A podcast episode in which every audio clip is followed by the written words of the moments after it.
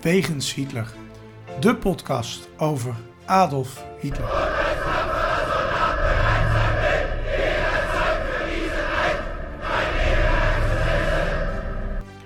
Dictator, alleenheerser van 1933 tot 1945.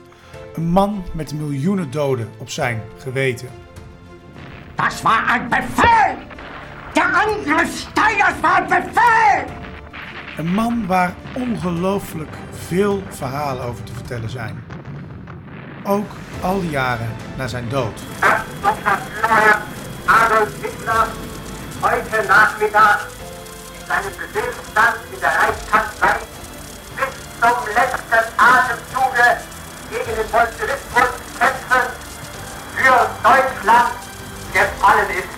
In deze podcast gaan Sjoerd en Niels van Andel de wegen van Hitler af. Ze kijken naar bijzondere plekken, naar vroeger, naar nu.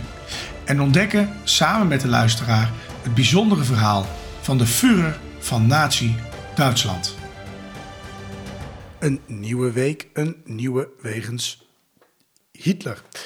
En ehm Sjoerd, we knallen door het dak. Hè. De vrienden stromen maar binnen bij onze podcast. Ehm, mocht je denken, vriend, wat moet ik daarvoor doen? Ga naar vriend van de show en zoek onze podcast op. En dan kun je ons ondersteunen met een kleine bijdrage om deze podcast in leven te houden. Mocht je nou ook denken van, nou, eh, ik heb geen zin om geld uit te geven. Dat kan natuurlijk, hè. Het is ook mogelijk om een eh, waardering te geven op Spotify of Apple Podcast of zo. Dus mocht je dat nog niet gedaan hebben, doe dat, zodat we hoger in de rankings komen en meer mensen onze podcast ontdekken en kunnen genieten van de geschiedenis van Hitler, als je het genieten mag noemen. Hè? Dat mag misschien nog wel, hè, toch? Eh, nou, ze mogen eh, eh, geïnteresseerd zijn in onze podcast. Daar mogen ze van genieten. ja, Ja, en nee, ja goed. niet van Hitler zelf. Nou, van de afloop mag je best genieten. Ja, precies. Hey, we hebben een volle uitzending aan het pakpapier te zien, dus we gaan snel naar ons eerste onderdeel, Hitlers dagboek.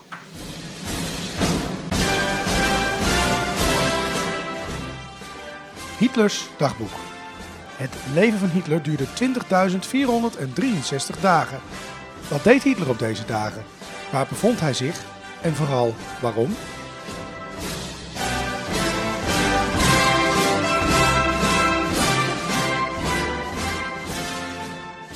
Ja, deze uitzending komt online op 27 maart 2023. En wij gaan terug naar 27 maart 1941. Sjoerd, wat was er op die dag? Ja, Adolf Hitler die is een dag daarvoor vanuit Wenen in Berlijn aangekomen. En dan vindt een historisch moment plaats, om, om, om één uur, zeg maar. Hitler verkondigt dat hij Joegoslavië eh, militair en als staat zal verslaan.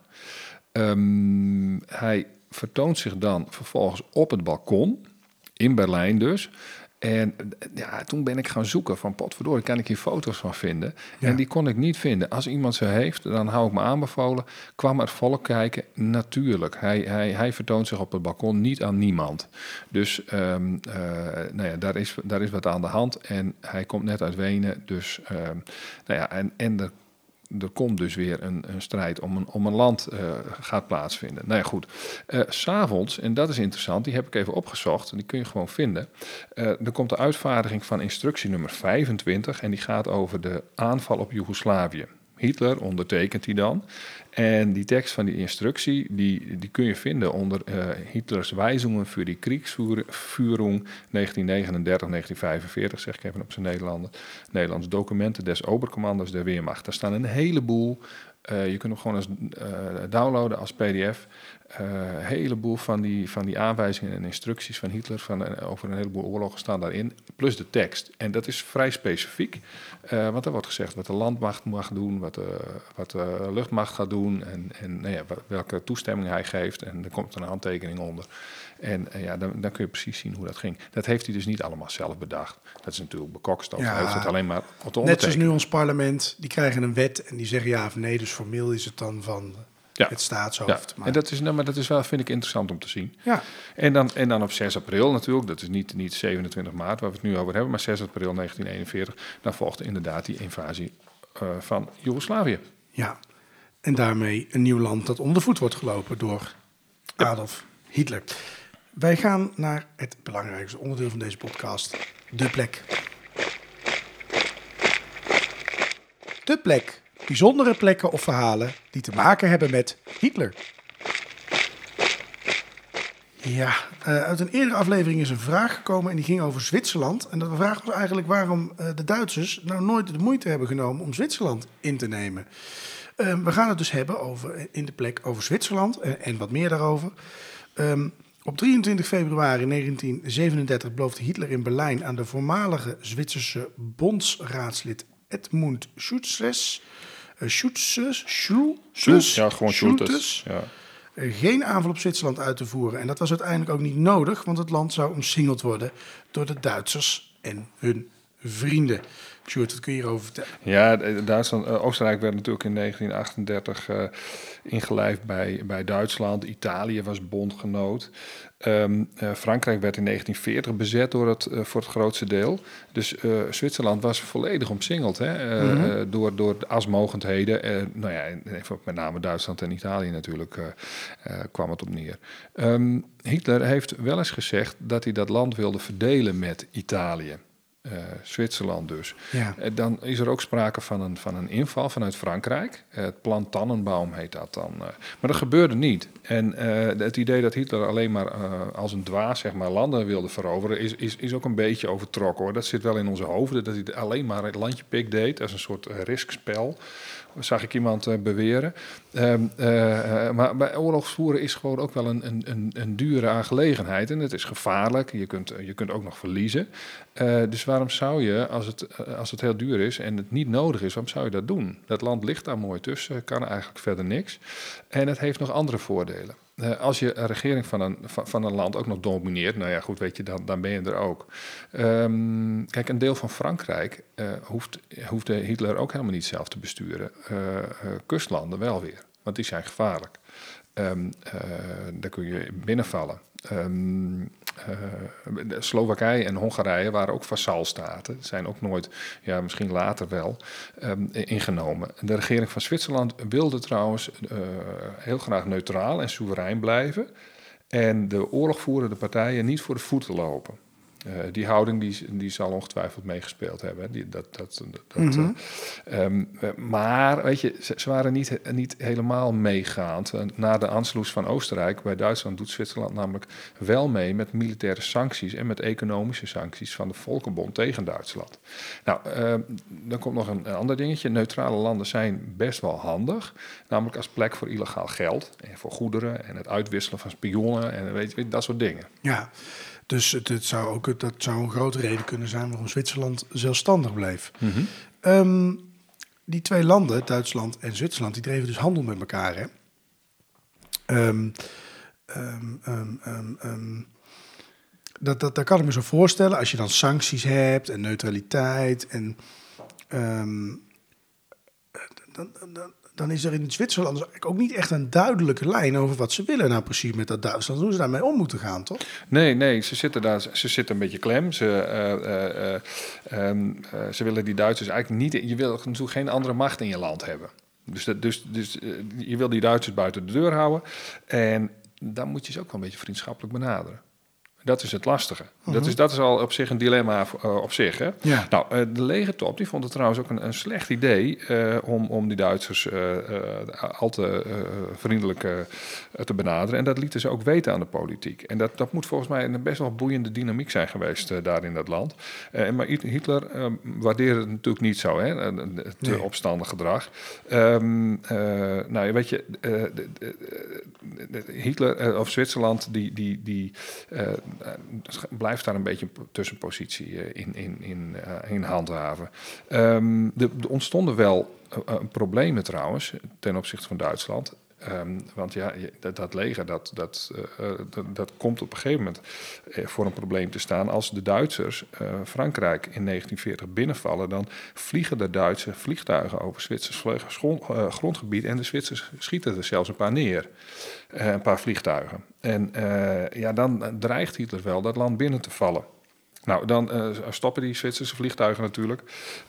Maar het land blijft ook dan nog formeel onafhankelijk. Ja, um, ik kan me zo voorstellen daarna dat als je uh, omsingeld bent, dat dat samenwerken met die Duitsers toch wel wat meer wordt. Al dan niet onder druk. Ja, ja, ja, precies. Dat is natuurlijk gewoon de kwestie. Dat, hebben ze echt wel gevoeld, die druk. Um, kijk, Duitsers verkochten goud via de Zwitsers. En um, waaronder veel goud uit bezette gebieden. En ook een, voor een groot deel van, van Joden. Uh, de Zwitsers konden trouwens ook niet anders dan handel drijven met de, met, met de landen om zich heen natuurlijk. En dat is met name, dat is dus Duitsland en Italië. Daar komt het dan op neer. Wat moet je anders? Je moet altijd via die landen. Um, uh, Duitse bedrijven brachten de aandelen van buitenlandse dochterbedrijven en patenten en zo en dergelijke um, uh, onder bij Zwitserse bedrijven. En dat is ook een mooie constructie. En dan zorgden ze er wel voor dat ze zelf de baas waren, hè, die Duitsers. Dus dan leek het alsof het Zwitserse bedrijven waren, maar dat was niet zo. Die um, Duitse bedrijven die, die, die zaten dan ook in geallieerde landen. En, en nou goed, uh, daar konden ze dus wel als Zwitsers bedrijf blijven bestaan.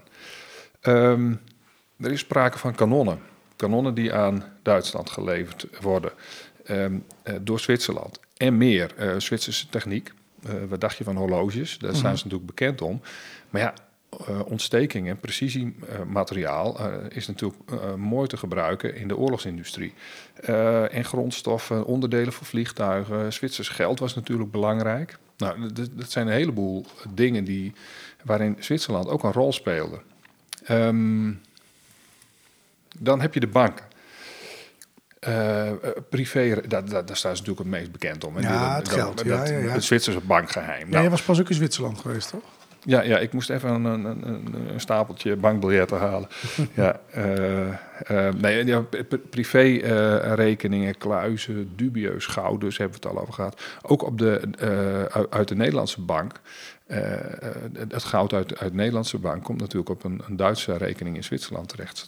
geld uit, die, uit uit, van ons, zeg maar. Mm -hmm. Nou, uh, die Zwitsers waren natuurlijk wel zo slim om zich niet in Duitse marken te laten uitbetalen uiteindelijk als ze handelden hè, met, met, met, uh, met de Duitsers, want daar konden ze natuurlijk niks mee. En, en andersom wilden ze het natuurlijk wel. Ja, precies. Ja. Nou ja, handel was een, uh, voor een groot deel uh, volgens uh, internationale regels. Dus je kunt Zwitserland wat dat betreft niet zo heel erg veel verwijten. Maar de Zwitsers wisten van de Amerikanen wel dat dat Duitse goud vaak niet in de haak was. Hoor. Dat het geroofd was, dat het uit bij de nationale banken vandaan kwam. Dat het voor een deel ook van, van Joden kwam. En um, uh, in ieder geval was het geroofd. Ja. Nou, en dan krijg je op een gegeven moment na de oorlog een heel gedoe met de internationale gemeenschap over dat goud. En het is helemaal niet gelukt om, een, om, om alles terug te krijgen uit Zwitserland. Nee. Um, nou is dat natuurlijk heel interessant, hè? goud en geld. Maar de, de, omgang met de Joden, die blijkt toch wel wat interessanter dan dat goud te zijn. Hè? Ja, dat is natuurlijk wel een, een, een ja, dat is sowieso interessant. Hoe ga je met mensen om? Um, je, hebt, je hebt op een gegeven moment na de Nuremberger rassenwetten, die, die zijn er al vrij vroeg in Duitsland, dan vluchten Duitse Joden naar Zwitserland en, en dat neemt ook toe. Um, Zwitsers willen die, die toestroom tegengaan en uh, een soort van visumplicht met Duitsland opnieuw invoeren. De Duitse regering wil dat dan niet. Uh, in ieder geval niet voor alle Duitsers. Uh, er is veel gezegd dat, dat, dat het hoofd van de Zwitserse vreemdelingenpolitie voorstelde om een J in Joodse paspoorten te zetten. Ja, ja, ja. En dat schijnt niet helemaal te kloppen, alleen wel deels. Dus hij, hij stelde in ieder geval in augustus 1938 een visumplicht voor alle emigranten voor. En uh, toen zei het Duitse ministerie van Buitenlandse Zaken, uh, die wilde dan eigenlijk de paspoorten van alle Duitse en Zwitserse Joden, en daar wilden ze dan een J in hebben. Nou, ja. Dat is dan de variant die wel helemaal klopt. Uh, J-stempels in paspoorten van Zwitserse Joden, kwamen er overigens niet. Dus... Nee, erg netjes is het niet in ieder geval. nee. Ehm, de, de Zwitsers die waren best wel op de hoogte van wat er in Duitsland speelde hè, als het ging om de Joden. Ja, in 1941 bijvoorbeeld, dan werd de Zwitserse Bondsraad op de hoogte gebracht van de, van de verschrikkelijke acties en toestanden in, in Duitsland, uh, met foto's en zo erbij. En uh, kijk, uh, Zwitsers konden Joodse vluchtelingen aan de grens terugsturen naar Duitsland, maar van, van 1940 tot 1942 was er ook, is, zijn er ook 20.000 Joden uit Duitsland opgevangen. Vanaf 42 wordt dan de grens wel gesloten voor vluchtelingen voor vluchtelingen uitsluitend op raciale gronden. Ja. Dus je kon wel vluchteling zijn, maar op raciale gronden kwam je er niet in. Terwijl zeg maar, de, de endleuzing van de Judenvragen vragen, die was al in januari van datzelfde jaar 1942 bedacht op de Wannsee-conferentie. Uh, dus er was heel veel reden om te vluchten voor de Joden. En dan hebben zij afgesproken: nee, je komt er niet meer in. Um, uh, ja, ja, zuivere koffie is het niet. Nee, en, en, en in die tijd kwamen natuurlijk heel veel vluchtelingen. Gelukkig werd dat decreet niet zo heel erg strak nageleefd. Nee, dat was dan weer een voordeel. Maar ja. Uh, ja. Um, um, nou, die vluchtelingen, dat decreet niet zo streng. Over wat voor aantallen hebben we het dan eigenlijk? Ja, dat schijnt dus best lastig vast te stellen te zijn. Uh, uh, tijdens de Tweede Wereldoorlog ving Zwitserland in totaal ongeveer 300.000 personen op die voor een korte of langere tijd uh, bescherming zochten.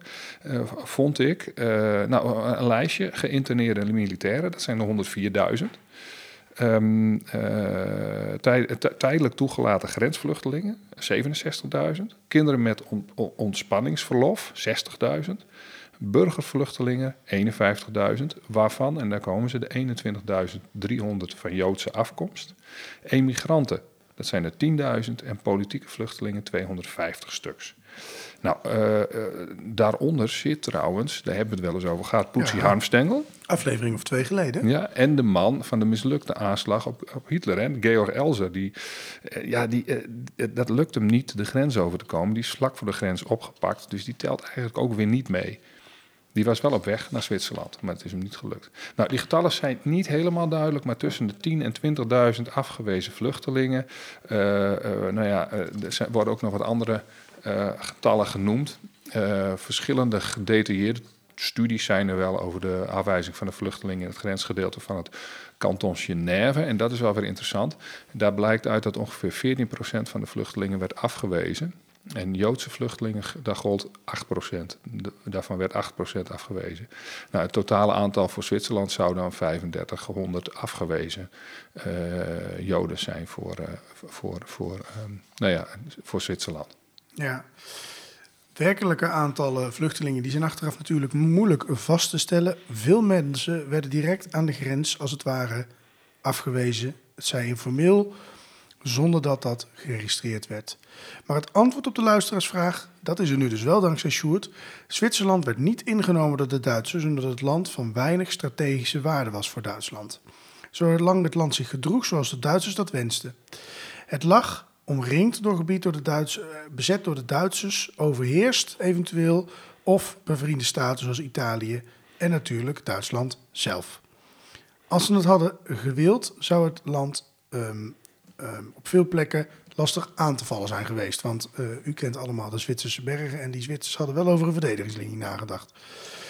Um, hè, dus met name de berggebieden, uh, die zijn erg ruig. Um, um, en er lagen uh, forse verdedigingswerken in. Je kunt er op YouTube best wat filmpjes over zien, kan ik luisteraars mm -hmm. aanraden. Uh, maar er was ook gewoon een financieel motief. De Duitsers verkochten veel goud aan Zwitserland. En ze dreven handel met de Zwitsers. Buitenlandse valuta waren nodig. En de buitenlandse Duitse dochterbedrijven werkten onder Zwitserse vlag. Innemen van Zwitserland was niet nodig. Druk zetten was genoeg.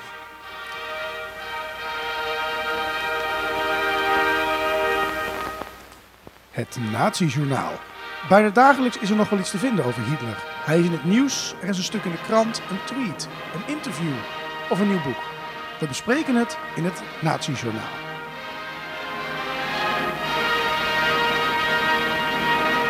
Het Nazi-journaal. Um, en dit keer gaan we het hebben over drie films. En de eerste film die heet uh, Grenzeloos Verraad. Die komt in de bioscoop op 30 maart 2023. Waar gaat die over, Sjoerd? Ja, dat is dus... Uh, even kijken dat is dus binnenkort, binnen een paar dagen. Het is een oorlogsverhaal in de periode voorafgaand uh, aan de luchtlandingsoperatie Amherst, in, uh, die in april 1945 in Drenthe plaatsvond, met als doel de bevrijding van de stad Groningen. Nou, uh, de bioscoop Pathé omschrijft die, die, die film op, op hun site. Ze willen graag dat je komt kijken natuurlijk, dus ja. wat dat betreft ja, dat is dat logisch. Ja. maar goed, wij, wij hebben de, het, is, dit is leuk om te melden. De Duits-Nederlandse officier Ludwig Mengelberg in het Duitse leger luisteren naar de bijnaam de, der Vliegende Hollander, heeft steeds grotere moeite met de verschrikkingen van de Tweede Wereldoorlog. Na een persoonlijk drama wordt hij overgeplaatst naar Nederland en neemt hij het drastische besluit om in Drenthe te helpen bij het verbergen van onderduikers. Daarmee pleegt hij natuurlijk hoogverraad. Wanneer de SS wantrouwen krijgt en het verzet oprukt, zet Mengelberg niet alleen zijn leven op het spel, maar ook dat van de mensen die hij probeert te helpen. Ja. En dan is er een andere film. Ja. En die heet Wil. En die is eh, eh, hopelijk in de bioscoop eind 2023, Ja. zoals het voorspeld wordt. Waar gaat die over, Sjoerd? Ehm, het is oorlog. Antwerpen wordt bezet door geweld en wantrouwen. Wilfried Wils acht zichzelf een dichter in wording, maar moet zich eh, tegelijkertijd zien te redden als hulpagent, staat in de beschrijving. De mooie Yvette wordt verliefd op hem. Haar broer Lode is een waaghals die zijn nek uitsteekt voor Joden. Wilfrieds artistieke moeder, Nijdig Baartje, interessante naam, wil juist alle Joden vernietigen. Onbehagelijk laverend tussen twee werelden probeert Wilfried te overleven, terwijl de jacht op de Joden onverminderd verder gaat. En dan hebben we nog een film. Ja, dat 6888 heet die, hè, van Netflix. Ook nog niet uit, maar zou dit jaar wel uitkomen, begreep ik. Ehm, die is van de filmmaker Tyler Perry. En hij vertelt het verhaal van het zes- eh, 6888ste Central Postal Directory bataljon van het Women's Army Corps. Dat was het enige volledig zwarte en volledig vrouwelijke eh, legeronderdeel dat tijdens de Tweede Wereldoorlog over zee diende. Eh, Oprah Winfrey speelt erin, Kerry Washington, Marion Brown en Susan Sarandon in eh, de hoofdrollen. Het eh 600, eh, 6800, zo moet ik het even zeggen, 88ste bataljon behaalde efficiënt miljoenen, eh, behandelde efficiënt miljoenen brieven die bestemd waren voor de leden van de US Armed Forces, personeel van de ehm, eh, Verenigde Staten regering en de Rode Kruismedewerkers die in Europa dienden. Onder het motto Geen post, weinig moraal verwerkten de vrouwen gemiddeld 65.000 poststukken per dienst en werd de postachterstand van zes maanden binnen drie maanden weggewerkt. Nou, fantastisch film lijkt me dat. Kan niet wachten tot hij erop staat. Ja, ik ben benieuwd. Ja, nou, wat, eh, wat, wat, wat, eh, ja, wat neusjes van de zalm, denk ik zo, voor onze luisteraars. eh, Ja, met ja. betrekking tot de Tweede Wereldoorlog. Om eens te kijken thuis. Ja, en binnenkort, dus binnen een paar dagen, is de, is de, is de hoe heet het, De eerste uit. de eerste uit, ja. ja, in de 30ste. bioscoop. Ja. Eh Pathé is geen sponsor van onze shoot. Nee, maar dat is geen probleem als ze dat wel willen worden, hoor. En eh, omdat Bombshell gaan we snel alweer naar het laatste onderdeel van deze uitzending. En dat is van nu naar vroeger. Van nu naar vroeger. Wat speelt er nu in ons nieuws en hoe zat dat in de tijd van Hitler?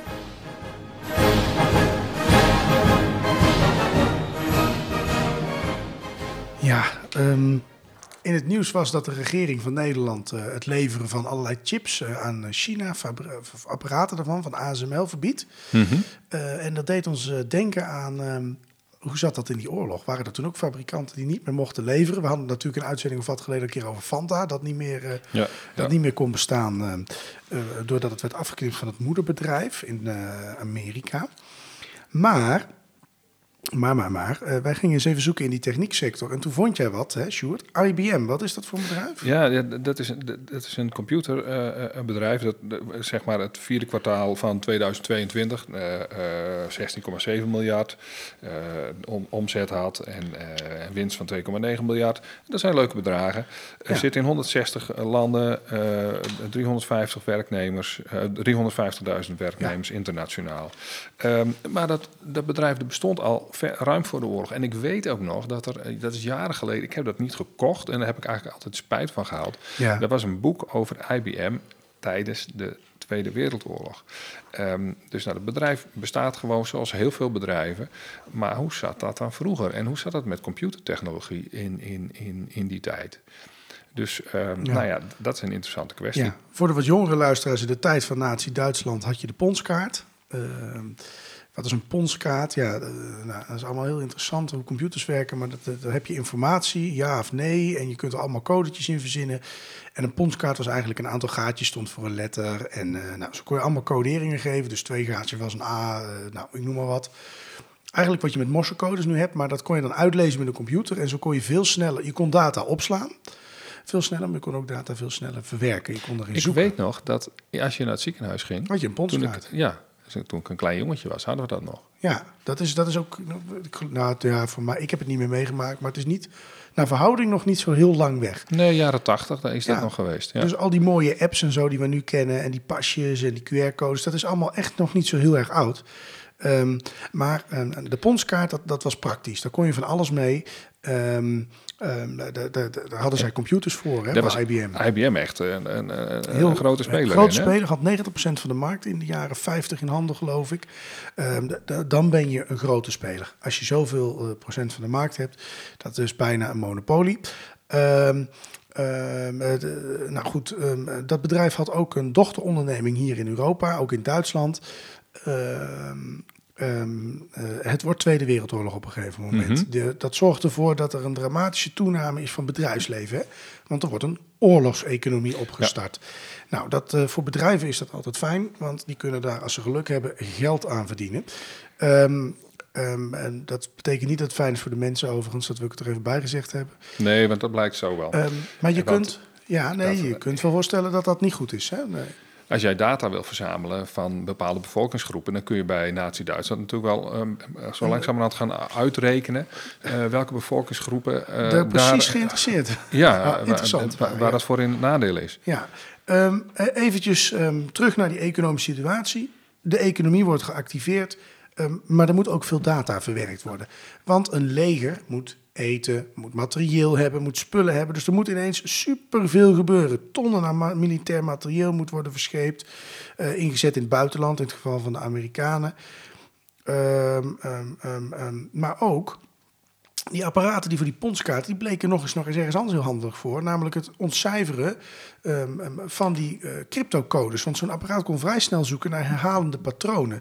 En zo kon je misschien die, die, die berichten van de, eh, de asmogendheden ontcijferen.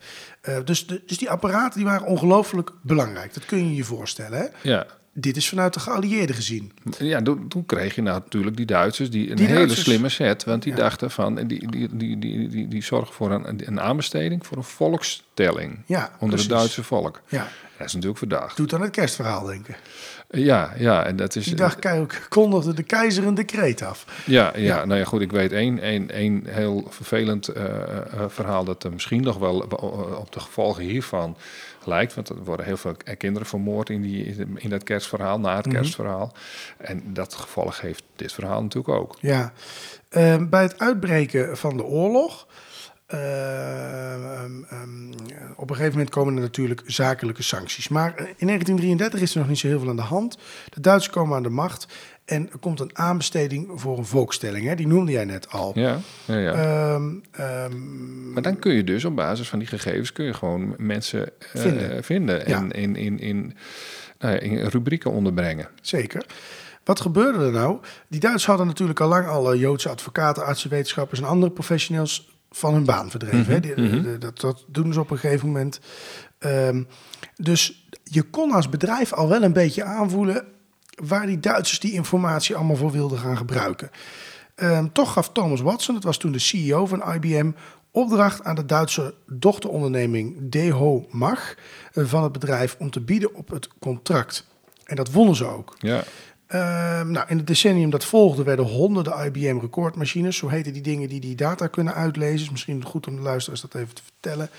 Ehm, samen met reserveonderdelen en ponskaarten werden naar Duitsland verscheept. Hè. Handel. ehm, ehm, ehm, en daar werden ze onmiddellijk gebruikt voor wat later de organisatie van de Holocaust werd. Hè. Dus Ja. heel netjes is het allemaal niet. Laten we het nou niet netjes, het is gewoon echt voor kwaad ingezet, eh, kunnen we toch ja, wel zeggen. Ja, dramatisch. eh.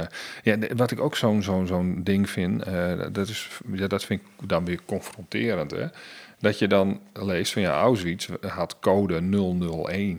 En Boegenwald had code 002. Ja. Nou, et cetera. Eh, en je kreeg een 3 als je een homoseksueel was. Een 9 als je asociaal was. Een 8 kreeg je als je een jood was. En dat soort cijfertjes en de betekenis daarvan voor, jou, voor de rest van jouw leven, misschien kort. Ehm, eh, ja, nou ja, goed. In zo'n systeem is natuurlijk dramatisch. Ja, er zijn allerlei dingen gebeurd. Ehm, die apparaten werden trouwens opgesteld in, in hoofdkwartieren, zelfs bij kampen in ruimtes neergezet. En die werden dus allemaal gebruikt ehm, ehm, om die holocaust te voorzien. En Mhm. daar moet je dus even bij voorstellen. Het is niet alleen het leveren van apparaten, want je kunt nog zeggen geweren zijn slecht, maar uiteindelijk is degene die daar wat mee doet echt slecht. Hè? Kijk, als jij een geweer in je kastje pleegt, je doet er nooit wat mee, dan, dan is dat geweer op zich niet slecht. Maar als je er iemand mee doodschiet die onschuldig is, wel. Ehm, maar, ze deden meer. Dat is het vervelende van het hele zaakje. Ehm, ze stuurden ook honderden technici, die even SS-personeel gingen opleiden hoe ze dat moesten onderhouden en ehm, in stand moesten houden, die apparatuur.